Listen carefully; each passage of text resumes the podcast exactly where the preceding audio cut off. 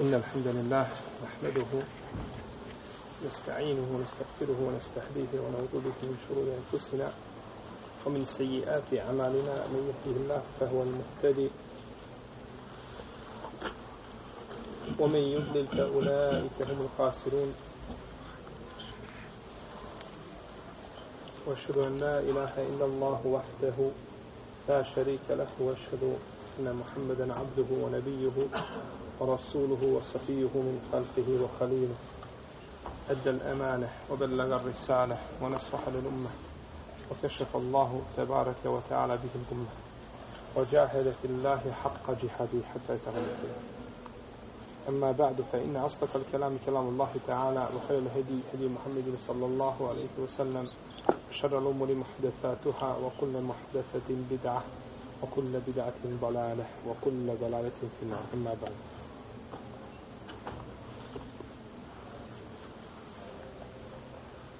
ma yuspetu bihi tartib koji su razlozi koji mogu spriječiti od naklanjavanja namaza po redu prvi razlog jeste tjeskoba namaza čije je namasko vrijeme već nastupilo. Jer je namaz u njegovom vremenu preći da se klanja nego da se odgađa mimo tog vremena. I to je stav imama Ebu Hanife, jedan je ajet od Ahmeda, tako je kazao Sa'id, Musejib, Hasan al-Basri, Uzai, Theuri, Ishaq. A što se tiče šafijske pravne škole, spominali smo prošli put da oni opće ne smatraju da je poredak ili naklanjavanje namaza po redu da je šta? Obavezno. Nego kaže, to je mustahab, to je lijepo, pohvalno.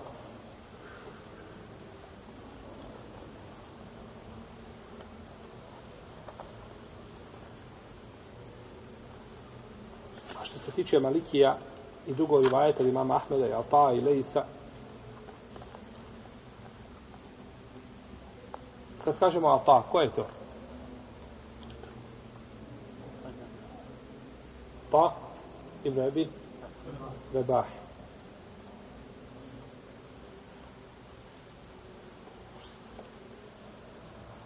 Za njega kaže imam Zehebi u Sijeru, Lamiru Bela kaže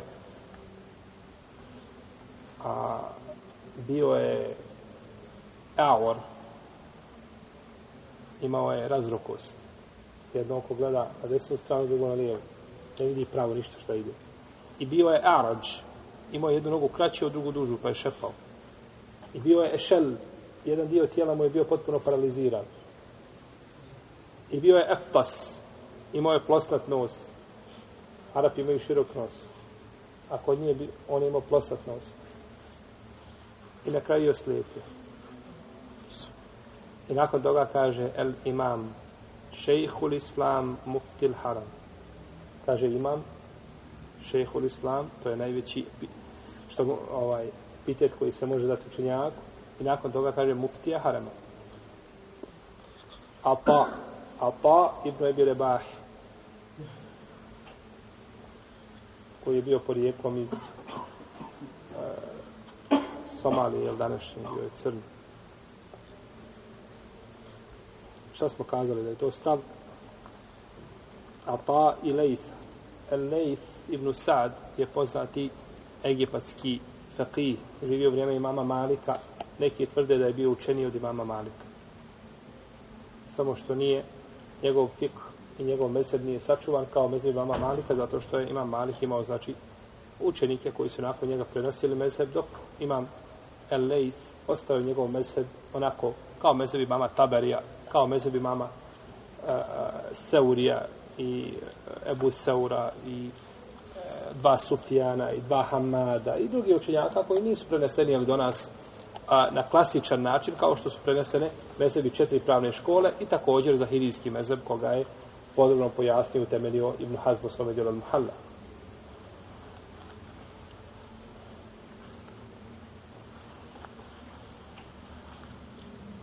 Znači, po mišljenju ovih učenjaka, kada dođe u pitanje postojeći namaz i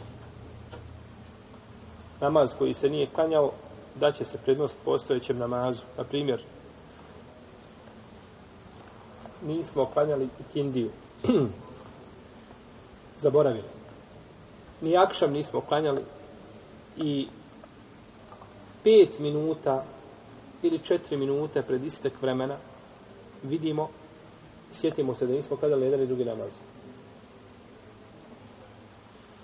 U tom slučaju ćemo klanjati šta? Akšam. Zato što Akšam ima veće pravo na svoje vrijeme nego Ikindija, tako? Ikinda je ovdje gost. Ona je došla, a nije to njeno vrijeme, je tako? Pa kada dođe gužva i nema dovoljno vremena da se klanjaju dva namaza u akšamskom vremenu, onda se daje prednost kom namazu? Akšamu. Daje se prednost akšamu jer je on preči za svoje vrijeme i kada bismo klanjali jaciju, šta bi se desilo? O, a kada smo klanjali kindiju akšamsko vrijeme, šta bi se desilo? Onda bismo faktički naklanjavali dva namaza, tako? Jer onda akšam mora klanjati tu u jacijskom vremenu. Pa je tako preče to izbjeći, bolje naklanjati jedan namaz nego dva. Da propusti čovjek džemat. Znači, jedan dio uleme smatra da čovjek ako propusti, ako bi propustio džemat, iako će propustiti džemat, da mu je preče da ostavi šta? Naklanjavanje propuštenog namaza. Na primjer, sjeti se u akšemsko vrijeme da nije klanjao ikindije. Ili pred, a, na akšemsko vrijeme nastupilo. Čuva je zan. Ako klanja ikindiju, proće ga šta? Džemat, jer mi nemamo sunneta prije akšamskog parza, pa će ga proći, pa će ga proći džemat. Onda kaže neka olema, klanjaće šta? U džematu i onda će nakon toga klanjati propušteni namaz. I ovo je stav imama Ahmeda i odabroga šehu sami ibn Tejmije. No, međutim, ovdje ima druga stvar, a to je da čovjek može prići da klanja u džematu, na primjer, čovjek nije klanjao podne i došlo je kindijsko vrijeme, vrijeme i kameta. Prići će i stati za imamom i klanjati šta? Podne.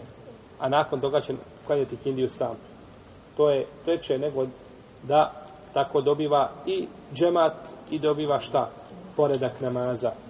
Dok ako bi obratno ne bi dobio poredak namaza.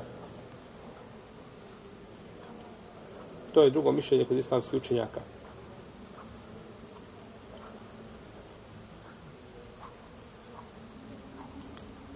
Da ga prođe ono što ne može nadoknaditi. Imamo neke vađive koji su ograničeni ne možeš ga nadoknaditi. Kad te prođe, gotovo je. Kao što je džuma. Pa kada bi čovjek došao, sjetio se pred džumanski kame da nije klanjao sabah. Ako bi ustao da klanja sabah, ne bi stigao da klanja šta? Džume. Jer ne bi stigao, možda bi stigao da klanja, da stigne na zadnje sjedenje. Ako stigne na zadnje sjedenje, stigao na džumu. Nije pa došlo od Ibnu Mesauda, ko ne stigne da klanja bar jedan rekiat od džume, neka klanja četiri rekiata podne. I tako se prenosi od Ibnu Omara i drugih sa ispravnim lancima prenosilaca.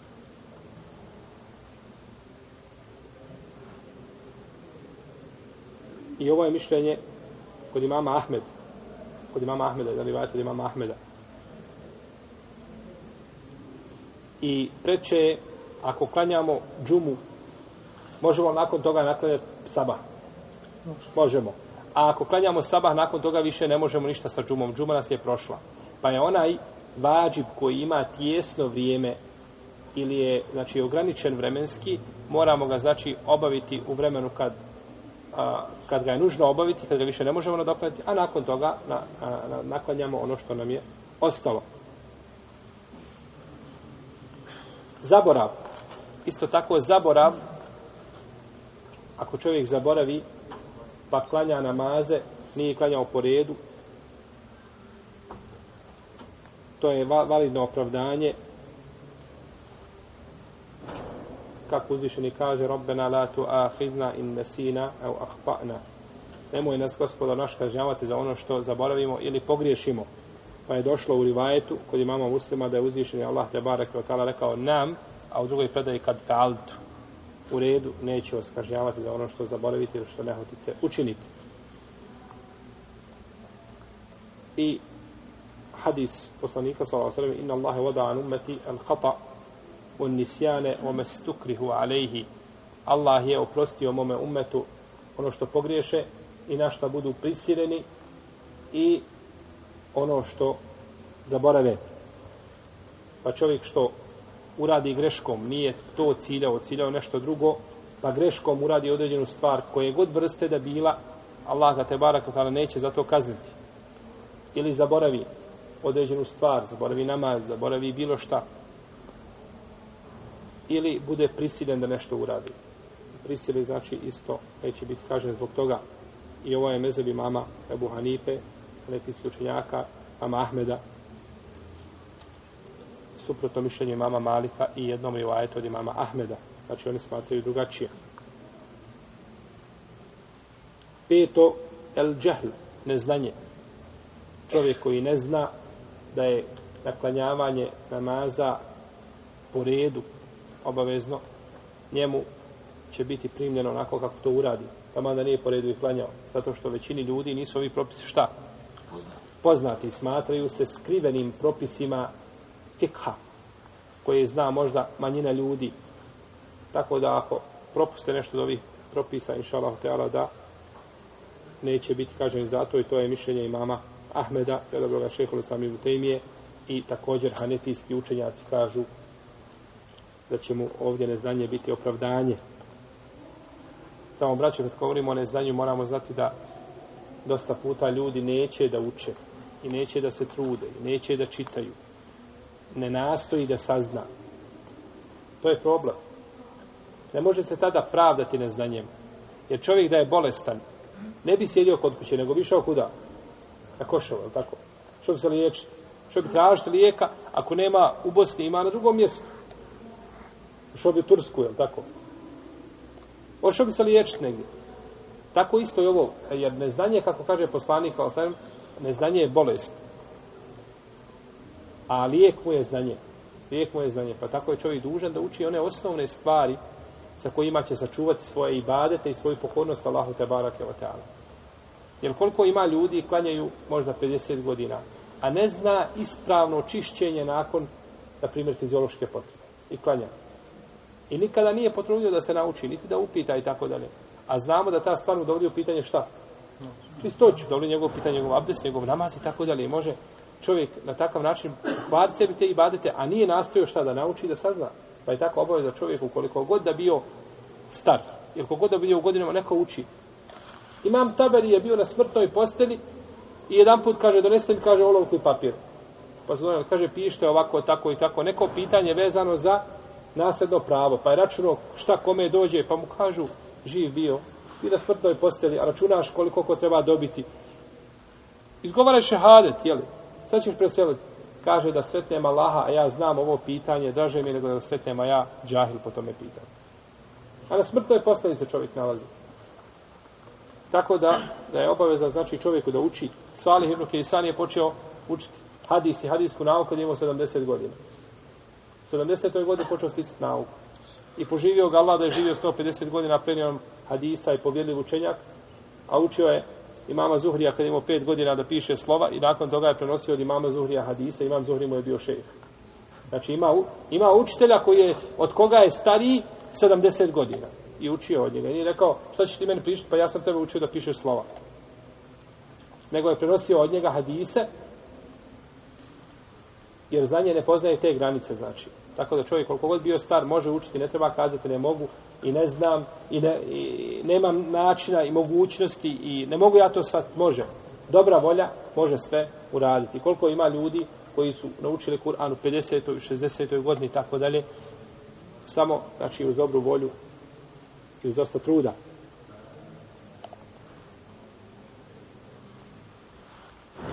Naklanjavanje namaza u svojstvu u kakvom su oni u osnovi ti namazi. Hanefijski i malikijski učenjaci i po jednom mišljenju šafijski, kada kažemo po jednom mišljenju šafijski, obično biva da je novi i stari mezheb, ili eventualno da postoji razilaženje unutar samog mezheba šafijskog, da imaju dva mišljenja. Jebu Seur ibn Munzir da je ovdje pouka u svojstvu namaza koji se naklanjava. Pa će biti naklanjavanje namaza kao klanjanje u njegovo šta? Vrijeme. Biće kao da, kao eda. eda. Kao da, biće kao eda. Ko zaboravi, na primjer, jaciju i sjeti se po danu da je klanja. A jacija je namaz na kome se uči na glas. Kada bude naklanjavo, uči će šta? Na glas. Isto tako, ako bi zaboravio podne i sjetio se posle jacije, isto tako, znači, biva naklanjavanje, biva učenjem u sebi, tihim glasom, znači. I ovo dokazuju hadisom Ebu Sejid al-Hudrija, kome stoji da je na, na Hendeku, da je poslanik za osam u jednoj verziji da je zaboravio, da je ostavio podne i kindiju. Pa je klanjao podne kao obično što je klanjao podne namaz. Pa je potom klanjao i kindiju kao što je obično klanjao i potom je klanjao akšan. Pa ovo obično što bi klanjao ukazuje na što? Da bi klanjao znači na isti način kao što je klanjao kada bi klanjao taj namaz u njegov vrijeme.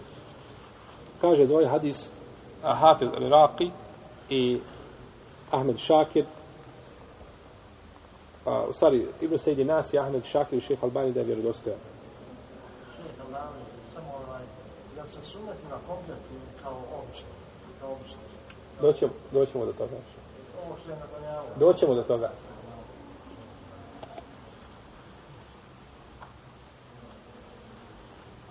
Što se tiče Hambelija i po ispravnom mišljenju kod Šafija, kod nje je pouka u vremenu kome se klanja. Pouka u vremenu kome se klanja. Ako znači klanjaš u noću, učiš kako? Na glas. Ako klanjaš po danu, učiš u sebi, koji god da namaz klanja. Čovjek koji zaboravi namaz u mjestu boravka, pa krene na put, na primjer krenuo, zaboravio podne, i krenuo u ikindijsko vrijeme na put i sjeti se namaza na putu. Kako će klanjati? Podne četiri kindiju. Podne četiri kindiju dva. Podne četiri ili dva. Klanjat će podne, tako je, kada će podne četiri kjata. Bez razilaženja među lemom. Ibn Munzir i e, Ibn Kudame i drugi spominju konsensus pravnika da se u tome slučaju klanjaju puni namazi. Da se klanjaju znači četiri rekiata. A to što je taj namaz u osnovi trebao biti obavljen sa četiri rekiata. I izlazak, i kada je čovjek krenuo na put, je li krenuo za vrijeme podenskog vremena na put? Nije, nego da to kažemo i kindijsko vrijeme.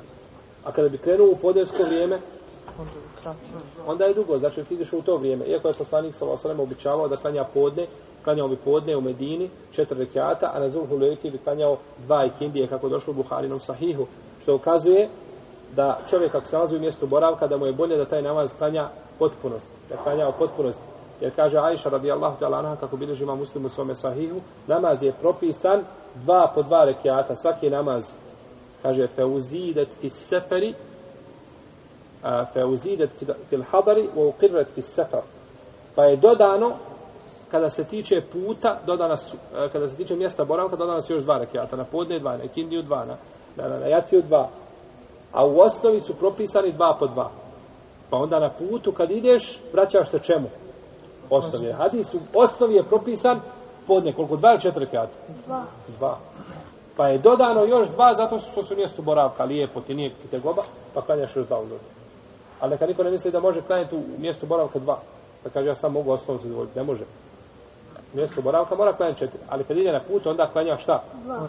Dva, jeste, onda ga krati. Zato kaže, imam Ebu Hanife, i to spominje imam na Hapabi od većine učenjaka Selefa da su govorili da je kraćenje na putu vađib.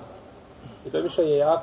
Iako Džumhur Uleme kaže da je sunnet, ali stav Ebu Hanife ovdje jako da je kraćenje vađib i da nema vjerodostojne predaje da je poslanik sa osaname ikada upotpunio namaz na putu, da klanjaju četiri keata. Hadis koji se navodi kod Dare Kutnija od Ajše nije hadis vjerodostojan.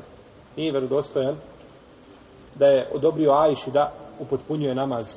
Kad poslanik sa osreme nikada nije upotpunio.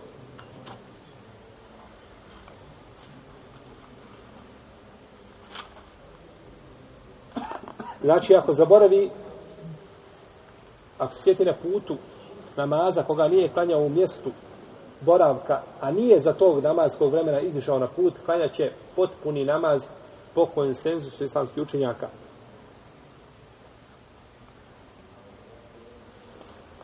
A ako klanja, a ako zaboravi namaz, koga je trebao klanjati na putu? Bio, na primjer, na, na putu, podne. I i Kindija došla. I došao u kuću u kindijsko vrijeme. Kako će klanjati podne? To je jedno mišljenje kod Hanbelijske pravne škole, da može, znači, da tako čovjek može, i to je mišljenje podržao ga Ibn Semin, da čovjek može kad dođe kući da klanja, da ipak ide i spoji kod kuće, jel? Jer dok je bio na puta koji nije spojio, kad dođe kući klanja će, ne smeta. No, međutim, kad dođe u kuću, onda kaže, ima Ahmed, kaže, klanja će ihtijatan, ono što mi kažemo za svaki slučaj, klanja će četvrtjati. Jer, jer, jer veća je, jer veća greška upotpuniti kada trebaš skratiti ili skratiti kada trebaš upotpuniti. Veća je greška skratiti kada trebaš upotpuniti. Pa je ovdje bolje upotpuniti, znači je zato što nema jasnog argumenta, iako se tu islamski učenjaci spore oko propisa. Naklanjavanje sunneta.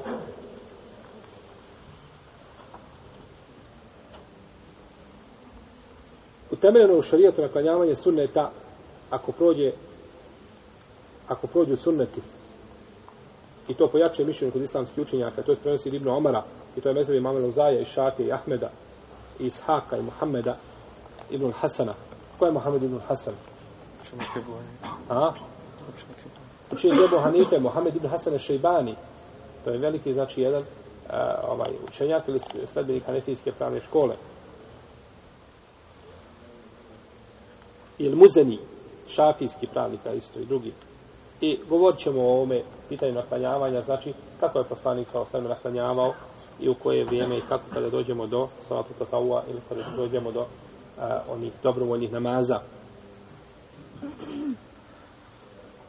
Učenje zana i kameta i pravljenje džemata prilikom naklanjavanja. Lijepo je znači pri ili e, ispravno je šarijetski legitimno pri naklanjavanju namaza da se prouči ezan i da se obavi kamet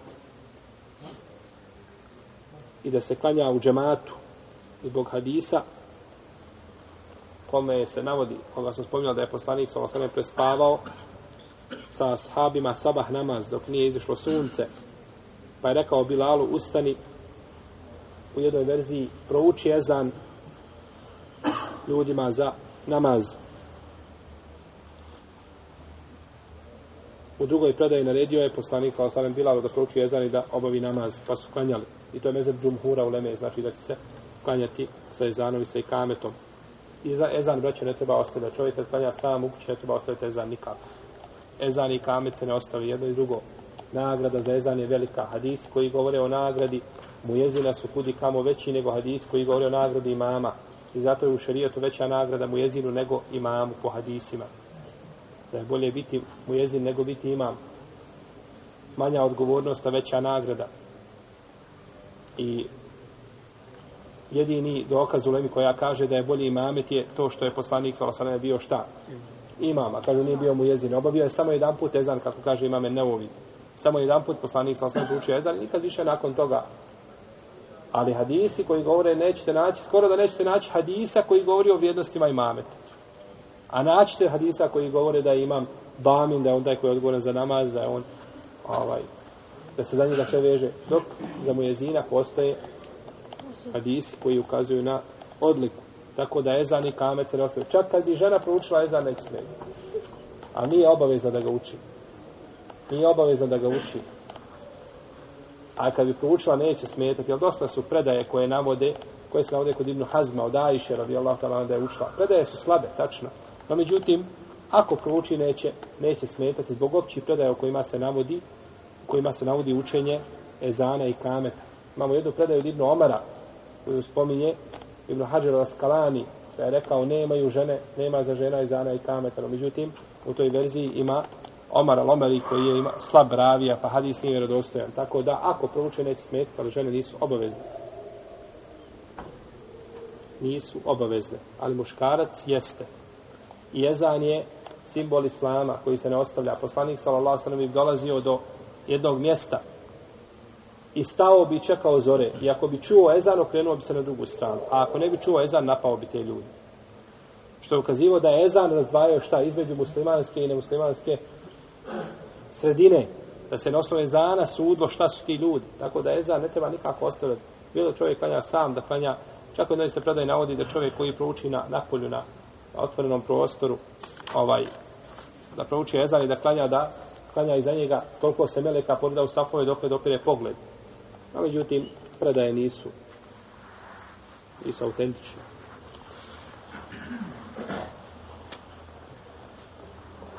E, vremena u kojima je zabranjeno klanjati namaz. Zabranjeno klanjati namaz postoje sabaha dok ne iziđe sunce i ne oskoči za jedno koplje i postoje i kindije dok ne, ne zađe.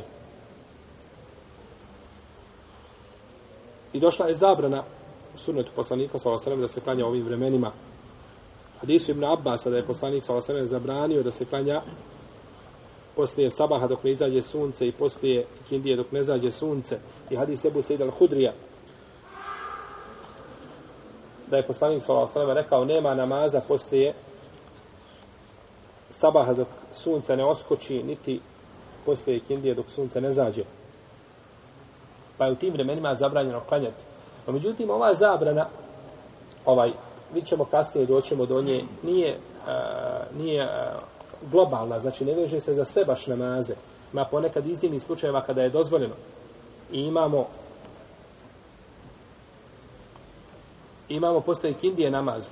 Posle ikindije kada se kaže, misli, ne misli se, znači posle ikindije odmah nakon namaza, misli se dok sunce ne počne mijeniti svoju boju. Jer je došlo u hadisu koga bileži imam a, Ebu Jala da je, da je to mijenjanje da je to mijenjanje boje sunčeve iz one jarko žute u crvenkastu boju. I došlo je kod Ibnu Hazma u dijelu Al-Muhalla navodi se od Ajše radijallahu ta'lanaha i Alije da su klanjali nakon ikindije namaza. I to su sve znači dokazi da se može klanjati prije nego što sunce pođe mijenjati boju da se ne odnosi namaz posle ikindije odmah nakon ikindije namaza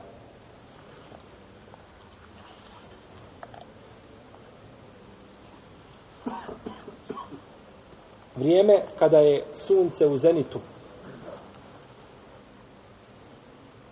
Kaže Ukbe ibn Amir al-đuhani, radi Allahu anhu, zabranio nam je poslanik sallallahu sallam da klanjamo tri vremena i da u ta tri vremena ukopavamo naše mrtve. Pa je spomenuo prvo vrijeme kada izlazi sunce dok ne oskoči i kada bude u zenitu dok ne pređe na drugu stranu, znači drugu polovinu neba,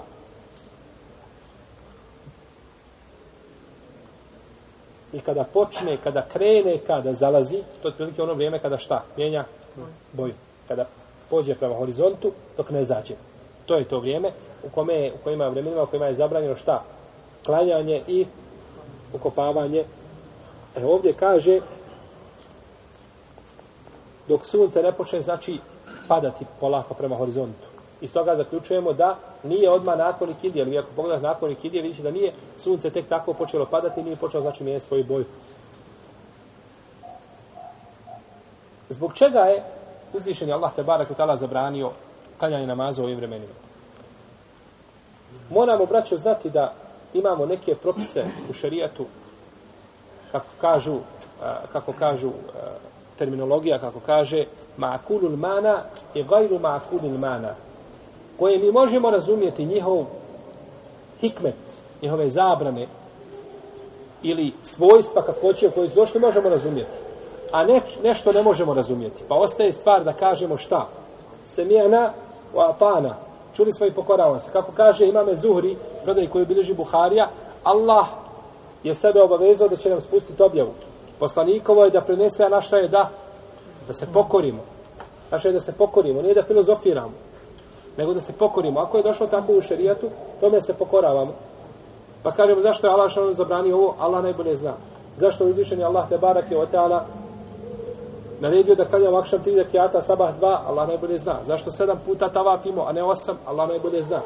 To su sve, znači, propisi koji kod većine propisa tih ili kod jednog djela propisa znamo zbog čega hikmet, kod drugog ne znamo. Znamo zašto je uzvišen Allah zabranio šta? Alkohol. Zašto je zabranio nemoral? Zašto je zabranio kamat? Zašto je zabranio... Mnoge stvari možemo, znači, otkriti mudrost toga. No, međutim, kod nekih stvari nećemo moći saznati mudrost zbog čega je tako. Pa kada bi se saznala sva ulema i svi mudraci Dunjaluka, zbog čega se to akšan klanja tri rekiata, neće nikada skužiti. I nikada ne mogu kazati zbog toga i toga. Mogu negdje pretpostavljati, recimo po pitanju dizanja ruku u namazu. Zašto se ruke dižu u namazu? Kažemo, ne znamo, Allah najbolje zna. Iako je, imam Šaukjani navodio, koliko je sećam, desetak razloga zbog čega se ruke dižu. Kažu, kad digneš ruke, kažeš Allahu ekvar. To je, kaže, potpuna predanost. Jel tebi kad neprijatelj rekne, stoji ti kažeš šta? Predajem se. Pa tako? Digneš ruke i predajem. Znači, predajem se. Ispred tebe sam i radi šta hoćeš. Tako kaže gospodar moj jaci, predajem u potpunosti. Ili kaže, neki kažeš Allahu ekvar, bacam dunjaluk iza leđa, a okrećem se ahiretu, Allahu Đelešanuhu. To su sve pokušaj i čtihadi, šta da se pojasni, mudrost. A možemo reći, eh, to je Allah tio time i time. Ne možemo. Ne možemo. Što se tiče namaza, ilata ovdje i razloga zbog koga su zabranjeni u ovim vremenima, postoji mogućnost da razumijemo da razumijemo razloge iz hadisa poslanika, sallallahu alejhi jer je došlo hadisu Amra ibn Abese, da je poslanik, sa alejhi kada je zabranio da se klanje namaz u ovim vremena, kaže, sunce kada izlazi, izlazi između šeitanskih rogova. I kada se nalazi u sredini a, neba, a, tada je vrijeme kada se rasplamsava vatra džehennemska. I kada zalazi, zalazi opet između šeitanskih rogova. Pa je zbog toga, znači, zabranio, zabranio i kaže to je vrijeme kada su kafiri, kada su mnogobožice činili seždu suncu. Pa vi izbjegavajte šta to vrijeme, da izbjegavate njihovo oponašanje. Pa je znači ovdje pojašen hikmet. Tamo gdje nije pojašen hikmet, braćo, ne treba vam. Nemojte se truditi i patiti. Nemate potrebe da tražite zbog čega. Ljudi su izgubili vremena i vremena u učenju znanja koje ne koristi vremena i vremena provode u raspravama od kakvog je štapa bio, u kakvog drveta je bio štap Musa a.s. I od kakvog je drveta bila laha Nuha a.s. Lađa Nuha a.s. I od kak, i kako se onaj Adžena Kumula, onaj pas što je bio u pećini, kakve on vrste bio? Kakva koristi toga? Kakva korist toga da znaš kakve vrste bio? Je da znaš imena Jusufove braće, da znaš imena sva potpora, kakva korist? A ne možeš ih znati, osim putem Israilijata, Kakva korist ne znaš? Pa se ponekad izgubi znači vrijeme i snaga u znanju koje ne koristi. Koje ne koristi.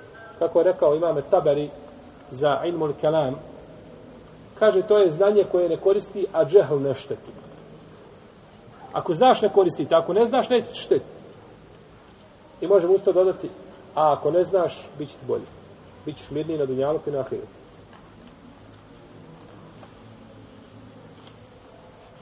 Šta je to izuzeto?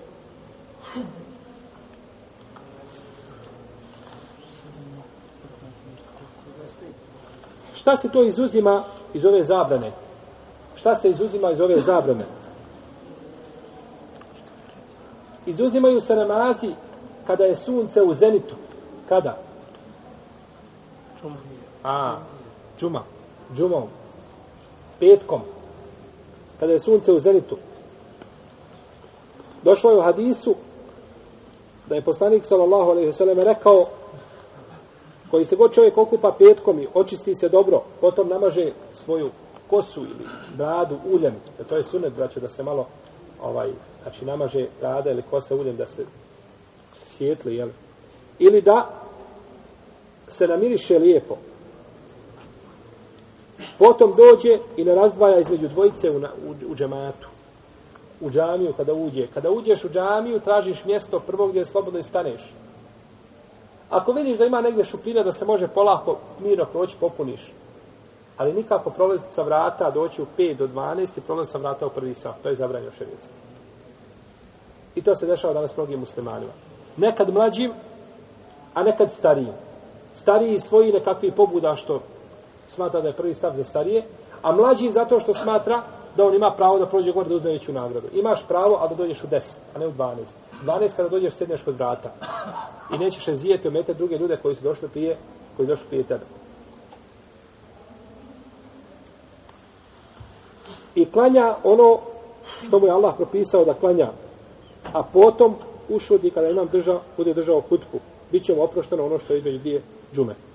Pa ukazuje hadis da Znači, kada dođeš i klanjaš ono što ti je Allah propisao, a kada počne hutba, šta radiš? Pa si se nisa može razumjeti da je namaz a, a, između, ima jasni namaz, a, hadis od ovoga spomenut ćemo ga, ali da kažemo čime su šafijski učenjaci dokazivali, šta? Da može se klanjati petkom, iako je sunce u, u zenitu. Ovo je znači stav šafijski učenjaka i to dokazuje ovim hadisom. I hadisom Ebu Horeire, koga bilježi imam Šafija u svome dijelu Lum, i koga bilježi imam El Bejheqi i drugi, a, da je poslanik sa osana zabranio da se klanja namaz kada je sunce u zenitu, osim petkom. Ha. Je li jasan hadis? Jasan hadis. Je li prvi jasan kao ovaj? Nije. Prvi je ispravan, ali nije jasan. A drugi je jasan, a nije, nije ispravan. Pa ovaj hadis je daif, nije ispravan. Pa argument može biti jasan, ali nije šta? Ispravan. A može biti ispravan, ali nije jasan. Ali nije jasan.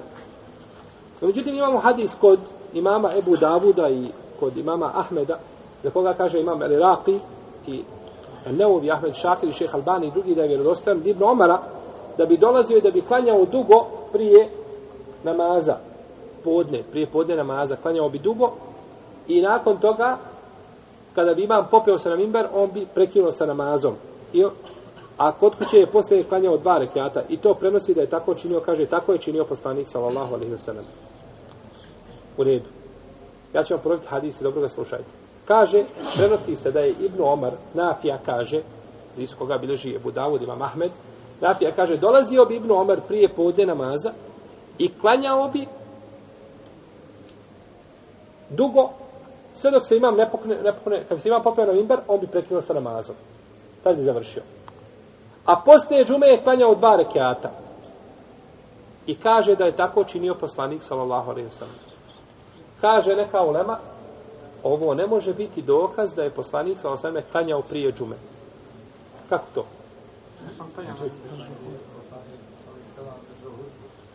Ne smeta. Što, što je smetalo da klanja do, do hutbe i da se onda popne ispred prvog safa da ustane? Ne znam na što se odnosi ovo, kaj poslanik sa svem govorio.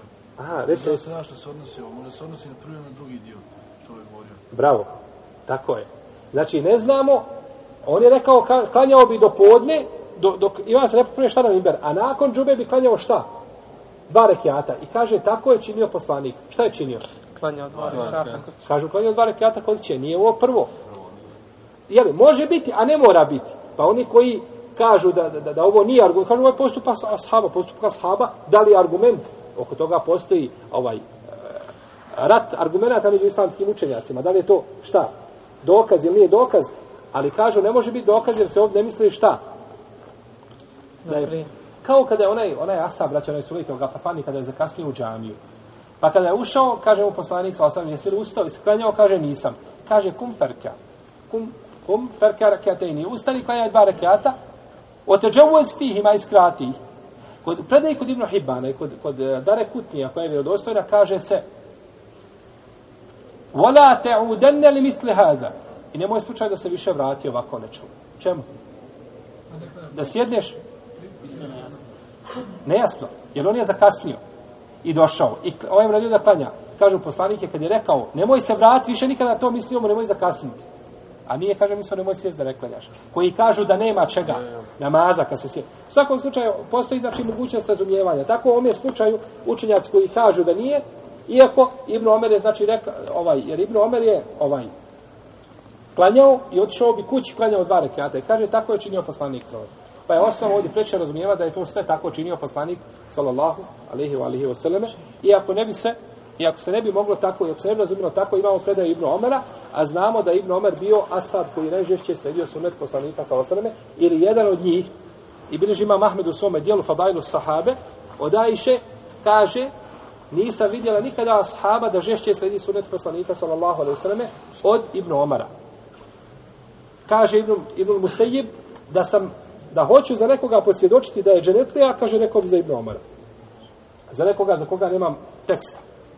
Kada bi kaže tio da posvjedoči, posvjedočio bi za njega. Kaže Nafija da ste ga vidjeli kako prati stope poslanika sa osam kuda je hodao, kaže rekli bi da je lud. Išao bi iz Medine za Meku i stao bi na jednom mjestu, sišao sa konja i otišao na jedno mjesto, nema nikakve potrebe da obavlja fiziološku potrebu. Ali bi otišao tamo samo da bude da uradi ono što je uradio ko poslanik sa osam. Za razliku od njegovog babe. Ibn Omar. I Omar od Jelahanu su ovdje dvije oprečnosti. Omer je tu kao ljude koji su tako nešto radili. On je udarao, sprečavajući šta? Da ne bi došlo time da se ne bi otvorila vrata širka se je otvorilo da ljudi počnu ta mjesta dolaze, pa klanjaju, pa vremenom se počnu ta mjesta šta? Obožavati. A poslanik sa osaneme, kada je išao iz Meke, iz Medine za Meku, i stao na jedno mjesto da klanja, kada je došao neko i klanjao na tome mjestu, je li, taj, je li to mjesto vrijednije od drugog mjesta? Isto. To mjesto tu, ili da klanjaš u Turskoj, ili na bilo kojem dijelu zemlje, zemaljske kugle, isto. Šta? Isto. Osim tri džamije.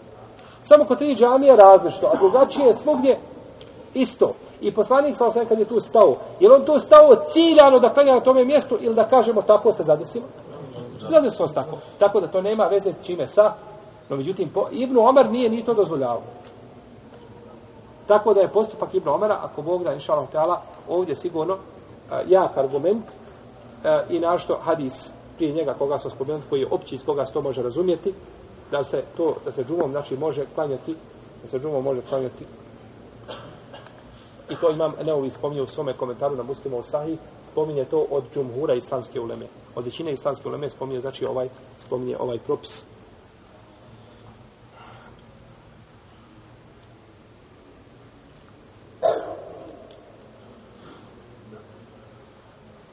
Drugo mišljenje je da je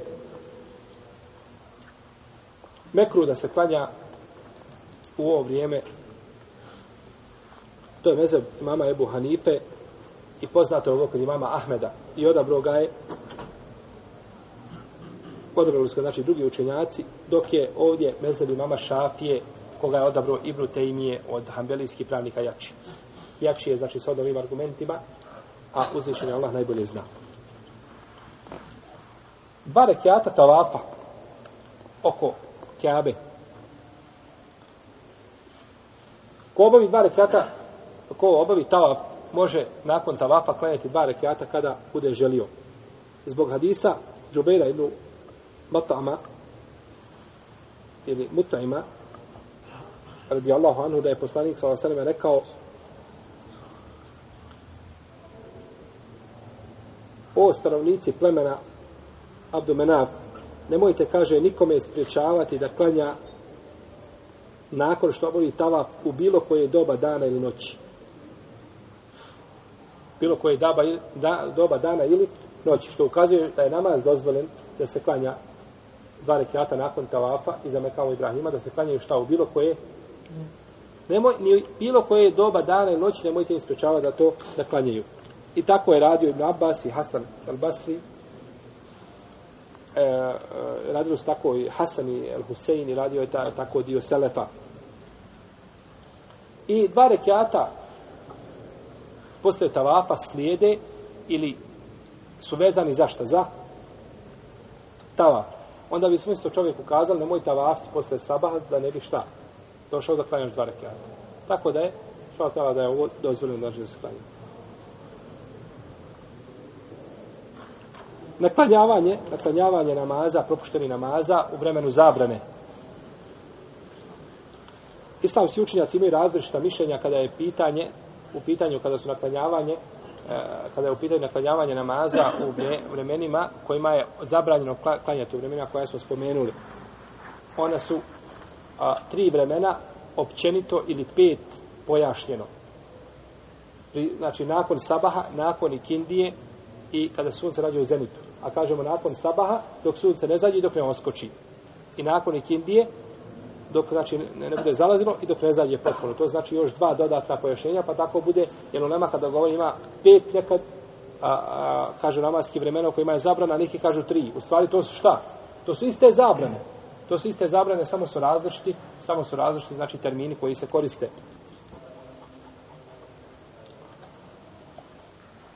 Prvo mišljenje je da nije dozvoljeno klanjati u vremenu zabrane, da klanjavati namaze, i to je mišljenje imama Ebu Hanife i hanefijski učenjaka, i njihovi dokazi su, kažu poslanik sallallahu alejhi ve sellem je prespavao sabah namaz i odgodio ga je dokle? Dok sunce nije izišlo. Dok sunce nije izišlo. I da je to namaz kao i drugi namazi. Pa kako se odnosi zabrana na druge namaze, odnosi se na taj namaz. I kaže da se prenosi Debu Bekra da isto jedne prilike ovaj nije klanjao i kindiju do zalaska sunca, pa je sačkao dok ne zađe, pa je klanjao. Imamo hadis od Kjaba ibn Ađra, da je njegov sin jedne prilike izostavio namaz, pa je htio klanjati pri zalasku sunca, pa je rekao, sačekaj, da zađe pa onda klanja.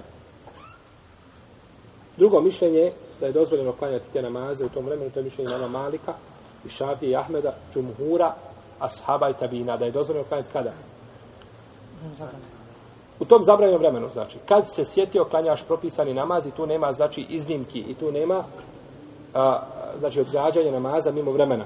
I dokazuje to hadisom poslanika, sallallahu alaihi sallam, men name an salatin au nesijaha fel usalliha idha zekaraha la kefarete leha illa zalik. Ko prespava namaz ili ga zaboravi, neka ga klanja kada se sjeti, nema mu iskupine osim to. Nema mu iskupine osim to. Odnosno da klanja u tome vremenu. I hadis poslanika, sallallahu od Ebu Katade, u kome kaže poslanik, sallallahu nije pretjerivanje pretjerivanje u budnosti, na javi, jeli, nije u snu, Pa kada se neko od vas sjeti namaza, neka ga klanja. I ova dva hadisa, imamo jasan argument da se može šta klanjati kada se sjeti. I to je jače mišljenje kod islamskih učenjaka. A što se tiče hadisa poslanika sallallahu da je odgodio namaz i da je i sad da je klanjao da je naklanjao namaz tek kada je sunce uskočilo. Kako ćemo odgovoriti na ovo? A? Je li ispravno prvo pit kako ćemo odgovoriti na ovo? Ha? Jel ćemo kazati kako ćemo razumjeti? Kako ćemo razumjeti? Kako ćemo razumjeti? To je preče nego da kažemo kako ćemo odgovoriti. Kako ćemo razumjeti? Kako ćemo razumjeti hadis u kome se kaže da je poslanik za osam kada je prespavao saba, da ga je klanjao tek kada je sunce uskočilo? Reci. Molim? E, bravo. Znači da je šeitan bio tu, pa se pomjerno. Ali ima jedan jači razlog. Bravo. U jednoj verziji se tog hadisa, ovo je vraćao, ovo će nam sad ukazati, ne bi biti činjenica. U jednoj verziji tog hadisa se kaže da je probudila, da je probudila e, žara, e, žega e, sunčeve svjetlosti. Znači da je sunce već jako sijalo. Može li to pri samom izlasku biti? Ne. Znači neće sunce bilo skočilo dok je pravo upeklo i da ih je to probudilo. Pa se pa ukazuje, znači ta verzija hadisa ukazuje znači da su oni prespavali dokle? Dok nije sunce, znači, žarko ugrijelo i nakon toga on se pomjera sa toga mjesta šta na drugo, na drugo mjesto. I ono mu kazuje, znači, koliko je bitno da se spajaju putevi hadisa. Da se ne uzme jedan hadis, došao jedan hadis i on se uzme, nego treba uvijek pogledati imali puteva i načina da se razumije i govorili su islamski učenjaci Jahje ibn Ma'in, Mam i drugi nećeš razumjeti hadis dok ga ne skupiš sa stotinu puteva. Moraš sad, jer uvijek je u različitim, imam Buharija spominje neke hadise na 2, 3, 5, 10, 15, 20 mjesta u svome sahiju. Jedan hadis spominje na 36 mjesta. I naslovio je na osnovu jednog hadisa 36 različitih poglavlja. Što znači da iz tog hadisa uzeo 36 čega? Propisa ili koristi. I, a svaki se hadis razlikuje od drugog. Nema, nema dva hadisa istavljaću. Ili mora biti razlika u, u lancu prenoslaca, ili mora biti razlika u metu. Nikada nisi spominio isti, isti hadis. U tome ko. Pa se znači mogu pribrati putevi i onda samo kad tako sabereš puteve hadisa, onda možeš šta ispravno razumjeti, razumjeti hadis. Pa je znači došlo ovo što je brat rekao da je da je da se da je njih probudila znači žega i da su oni nakon toga onda ustali i klanjali namaz, pomjerili se toga mjesta jeli, i klanjali namaz.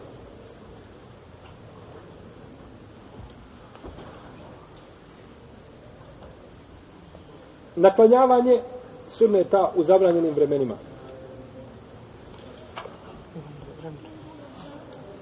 Nema vremena. Šest minuta, tako. Prije. Dobro, inša Allah, htjela da ostalo nam je ovo pitanje klanjavanja. Ostalo još par pitanja prije Zana i Kameta. Mislio sam da ćemo to danas uspjeti završiti, ali nećemo žuriti tako. Ćemo nastaviti inša Allah, na put.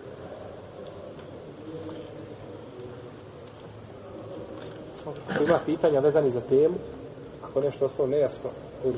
Mogu li ja?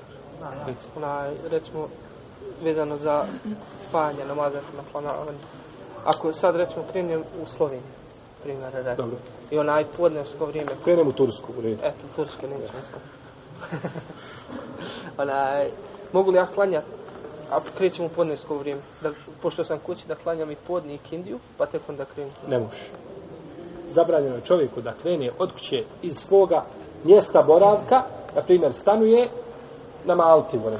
I došao je ovdje u džamiju da spoji podne i kindiju u podnevskom vremenu i da krene nakon toga da ide za krajinu, da ide nije bitno kuda da putuje. To je zabranjeno, to nije dozvoljeno.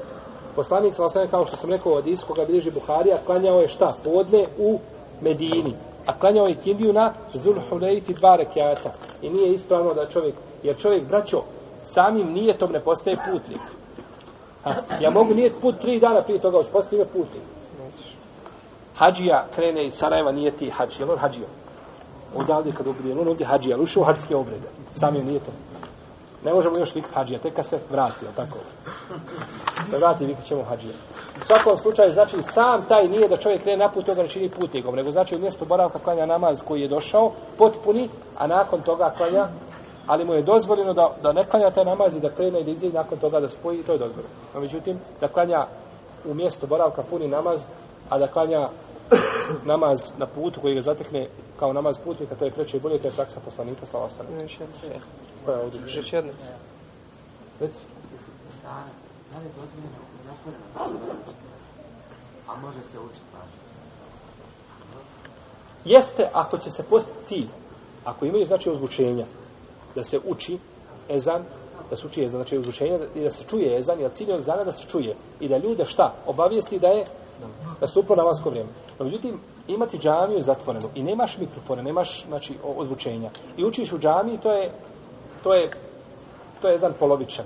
Taj ezan, on je ezan kao suhi misvak. Čistiš sa njim, čistiš, a ništa ne možeš očistiti. Ezan ti učiš ko te je čuo, koga si pozvao na namaz i tako dalje. Tako da ispravno znači da ezan, jer Bilal je učio ezan sa visokog mjesta, sa, sa krova džamije učio ezan. I eza- ezan se uči, zato su naši ljudi napravili munare. Napravili su munare da se uči sa munara šta? Ezan da bi što više ljudi čulo. Tako da je, nije, nije ispravno uh, učiti ga unutra bez odlučenja. Molim? Pa dobro, s prozora, onaj ćete čuti s ove strane, ali nećete čuti onaj tamo s one. Zato znači uči se negdje s mjesta da ljudi čuju ezan. Dobro, nećeš ako u stanu, hoće da klanja sam. Sam ko klanja uči za sebe. Čovjek je zakasnio podne, ljudi klanja, on došao, neka sam za sebe, ako sto mislio. Ako se, ne, ne, prvo ovo. Spajanje namaza kod kuće. Važi da je dozvoljno spajati samo u toku putovanja ili znači u odlasku i povratku ili putovanja, boravku u mjestu koje putuje i to da može spajati i u. To je spor među lemom. Neki islamski učenjaci kažu, može spajati samo kada iza džet da bihi sejr. Samo kada putuješ. Čak kad došao na jedno mjesto i kažeš, ja ću ovdje sad odmoriti dva sahata. Došao si pod i kindija u tri. A ti stigao u dva i kažeš, ja neću ovaj, ja neću ići do četiri. A nisi klanjao povodne. Ha. Možeš li tu spojiti ili ne možeš? Zato što ostaješ iza podnevskog i za kindijskog vremena gdje bivaš na tome mjestu boravka. I nisi u putu. Neka nema kaže nema tu spaja nikad. Ispravno je da može. Dok je čovjek putnik može, ako odlazi u neko mjesto i tamo boravi, ne boravi više od četiri dana, četiri dana boravi ne više od toga, može tu spajati, kratiti, ovaj, ali ako klanja u njegovo vrijeme, to je bolje. A ako, ako, ako, ako spoji, ima pravo. Ja se ova zabrana, čuo sam še da zabrana, kad klanjanja namaza, kaže, kad će u maloj kući da se, da se može klanjati. Već smo te hijeti, kaže, To smo govorili, to je namaz koji ima, to ćemo doći do toga, to su namazi koji imaju uzrok. A, to su namazi koji imaju sebe bili razlog. Do toga ćemo doći, nismo još govorili, pa ćemo govoriti jednom mjesecu, sunenul vudu, to nam je ostalo. Namaz za pomračenje, to nam je ostalo. Dođe pomračenje sunca u, u, u bilo je pomračenje sunca, je li bilo? Mjesec. Subot. Jes. Ovaj, dođe ti pomračenje sunca, budu, mi to ne možemo birati, jel? to biva kako Allah hoće. I dođe pomračenje sunca u podne. A poslanik sam kaže, kad nastupi pomračenje sunca, šta? Klanjajte, doći u svakom slučaju ti predaju naredom predavanju što Allah hoće.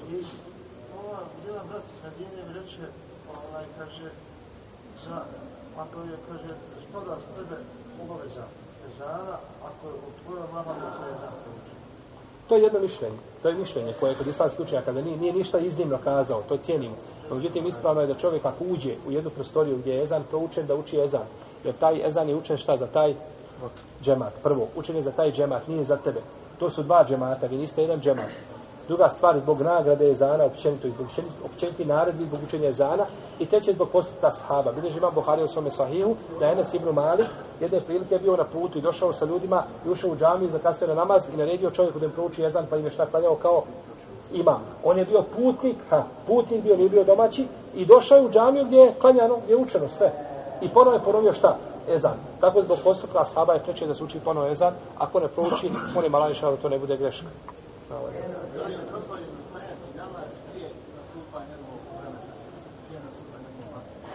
Po konsensusu islamskih učenjaka je zabranjeno klanjati namaz prije nastupanja njegovog vremena, kao što je zabranjeno posle nastupanja vremena.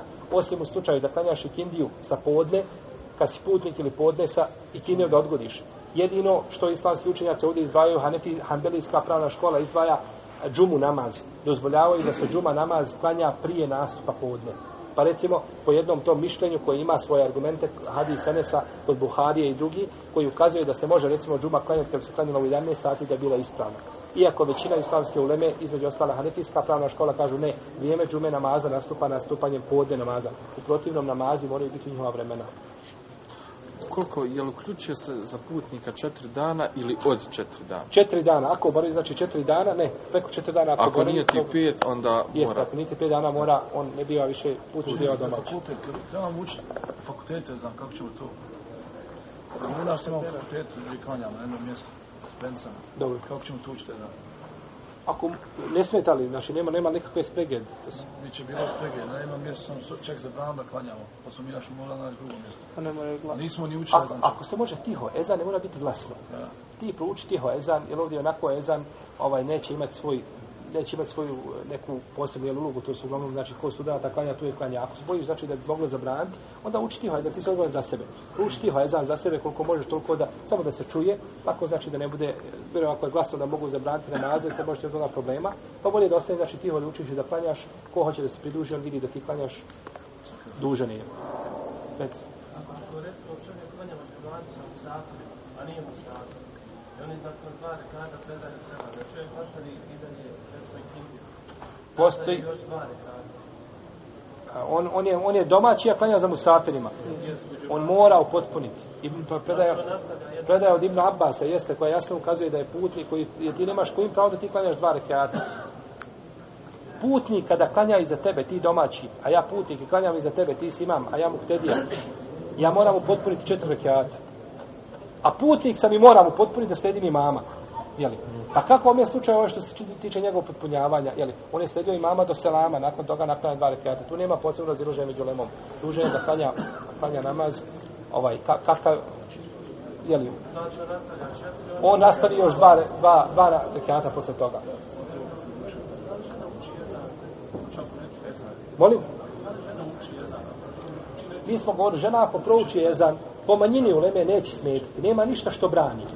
A imaju opće naredbe za učenje jezana. A mi znamo naredbe kad dođe u šarijetu obuhvata šta je muškarce i žene. Moraš imati razlog da kažeš ne obuhvata žene. Moraš imati argument. A mi tog argumenta nemamo. Imamo od Ajše da učila jezan kod Ibnu Hazma, ali su predaje daif. Od Ajše su predaje daif da su učila. No, međutim, nema ovoga ništa što brani, tako da ulema kaže, koja kaže da se uči, iako većina uleme kaže da se šta? Ne uči. Ne uči, pazi. Većina uleme kaže da se ne uči. Ulema koja kaže da se uči, oni kažu uči, ali nije obavezna. Ako ostavi nije griješan za razliku od čovjeka koji ostavi, jer su predaje jake koji ukazuju da je ezan i kame da su, da su vađe buškarcu, da i mora učiti. Samo da, da ne uči na javnom mjestu. Na, ja- e, ne, ovo je dobro. Da ne uči ezan, znači, na javnom mjestu ona ne pozivala komšinice. Ona uči ezan za sebe. Uči ezan za sebe. Znači, ako su muškarci tu u sobi, uči jezan da sebe sama čuje. Znači, ne da svojim glasom, jer učenje žena ne smije učiti Kur'an na glasi i jer se tu ljepšava glas, to je zabranjeno. Tada glas joj biva avred. Da teški bolesnici pravo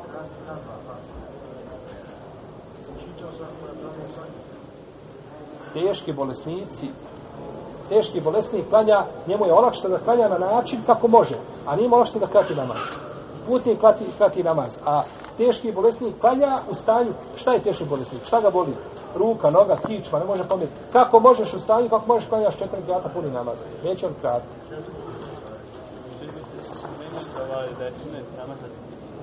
da. Da li da li nešto posebno ulje određeno ili bilo? Ne, ne, to je bilo ulje, ono maslino, bilo koje ulje da se, ne, to je, to je znači da se, da se sija brada malo, da, da se puca, jeste. To je, to je održavanje brade.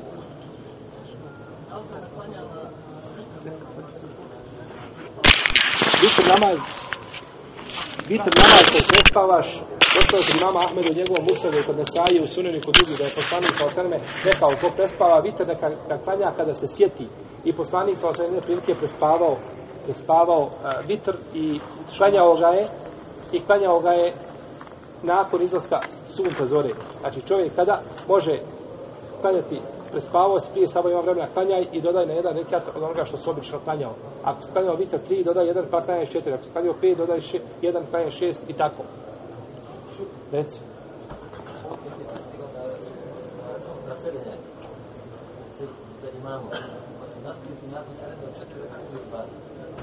Četiri On je pristao, gotovo je. Dok si došao, dok si rekao Allah, ovaj za njim, dok si pristao, ti moraš klanjati 4 rekiata.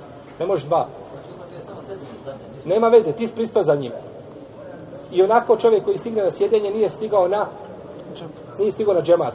Tako da čovjek može u tome slučaju ima pravo da klanja nakon toga, da klanja kao čovjek koji dođe džumu i ljudi sjede na zadnjem sjedenju. On će sačekati iza jednog stuba, klanja četiri rekiata podne, kad vrijedi mu ta džuma po predaj jednu mesauda.